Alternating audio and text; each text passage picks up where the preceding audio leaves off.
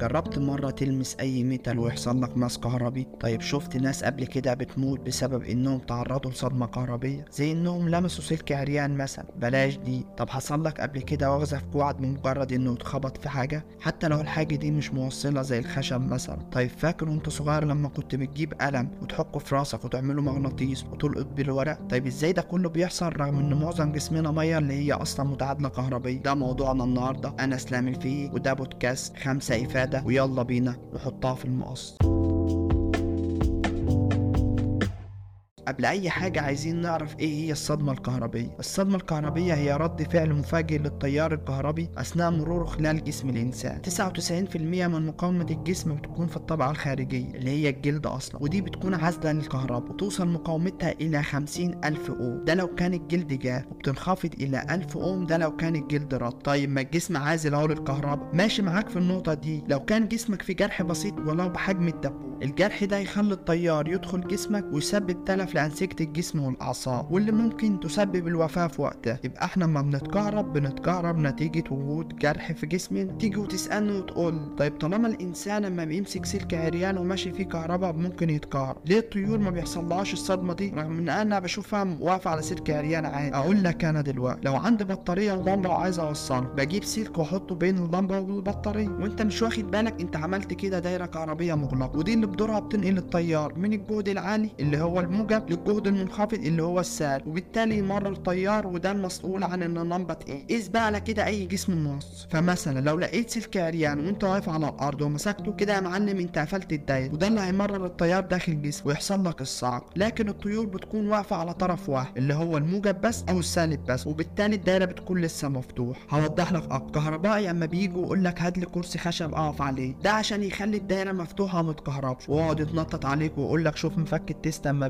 بينار إزاي؟ وإنت لو شلت الكرسي من تحتيه مش هتلاقيه أصلا. نيجي بقى للسؤال المهم. طالما إن المية متعادلة كهربيا ليه بنتكهرب رغم إن معظم جسمنا بيحتوي من 50 إلى 70% مية؟ معاك حق إن المية متعادلة كهربيا لكن أنهي مية بقى؟ المية اللي ما فيهاش شوائب خالص. لكن المية اللي داخل جسمنا دي بيكون فيها أملاح ومعادن وغيره وده اللي فسره علماء الفيزياء واللي قالوا إن جسمنا هو كمية كبيرة من المياه المالحة المحاطة بغلاف عازل يبقى جسم الإنسان موصل متوسطا للكهرباء زي المحلول الملحي في الميه الغلاف هو الجلد وبيكون جاف وده بيكون موصل ضعيف للكهرباء. أما الأيونات المذابة في الجلد المبلل فهي بتتحرك أسهل وبتستطيع إن هي توصل للكهرباء. ومجرد ما التيار يعدي جوه يقدر يوصل ويكهرب. فاكر أنت السؤال الأولاني خالص؟ اللي هو ليه اما بتلمس أي حديد بيحصل لك ماس كهربي وخصوصا في الشتاء؟ ده بقى بيكون نتيجة حاجة اسمها الكهرباء الاستاتيكية أو الكهرباء الساكنة. إيه الكلام الكبير ده بقى؟ ولا كبير ولا حاجة. أي جسم في الدنيا بيكون عبارة عن ذرات بروتونات موجبه وإلكترونات سالبة ونيوترونات متعادلة. ولأن الشحنات الموجبه والسالبه متساوية فنقدر نقول إن الذرات متعادلة. ونتيجة لوجود احتكاك الجسم بيقدر يفقد شوية إلكترونات في الجسم اللي احتك بيه. وبالتالي في شحنات موجبة في جسمنا وعايزة توصل لمرحلة التعادل. فتلاقي جسم متعادل زي الحديد مثلا وتقدر تفرغ فيه الشحنات الزيادة وده اللي بيديك إحساس الماء حاسك تهت مني تعال أوضح لك بمثال تاني. فاكر لعبة القلم والورقة؟ القلم ده جسم متعادل. حكيته في راسك فقد شوية إلكترونات في راسك اللي هو الجسم المحتك بيه كده بقى عنده بروتونات زيادة وعايز يفقدها عشان يخليه متعادل زي ما كان. ما بيصدق تقرب منه الورقة اللي هي متعادلة برضه يقوم ماسك فيها عشان يفضي شحنته وبعد شوية يرجع للحالة العادية بتاعته. طيب ليه قلت في الشتاء هي تفرق؟ أقول لك آه لأن في الشتاء بتكون الحرارة شوية وأنت بطبعك بتكون لابس شراب في رجلك وفي سجاد ودول موانع بيمنعوا ان تفرغ الشحنات للأرض اللي هي الشحنات الزيادة اللي في جسمك اللي ناتجة من احتكاكك بأي جسم خش زي المرتبة مثلا وانت نايم فمجرد يشوف أي حاجة موصلة يقوم مفرغ فيها ويكون الماء. تيجي بقى وتقول لي ليه بقى كوعي بيحصل له لغزه رغم إنه اتخبط في الصيف وفي مادة عازلة زي الخش الموضوع ده متعلق أكتر بالأعصاب لأن في حاجة اسمها العصب الزندي والعصب الزندي ده ممتد حوالين الكوع لحد أطراف الاصابع أصغر صباع يعني واللي جنبه. العصب ده ما فيهوش بطانة حواليه تحميه من الصدمات. خصوصا لو عملت كوعك بزاوية قايمة. بمجرد ما بتتخبط الخبطة بتسمع في الدراع كله لأن زي ما قلنا هو متصل بأطراف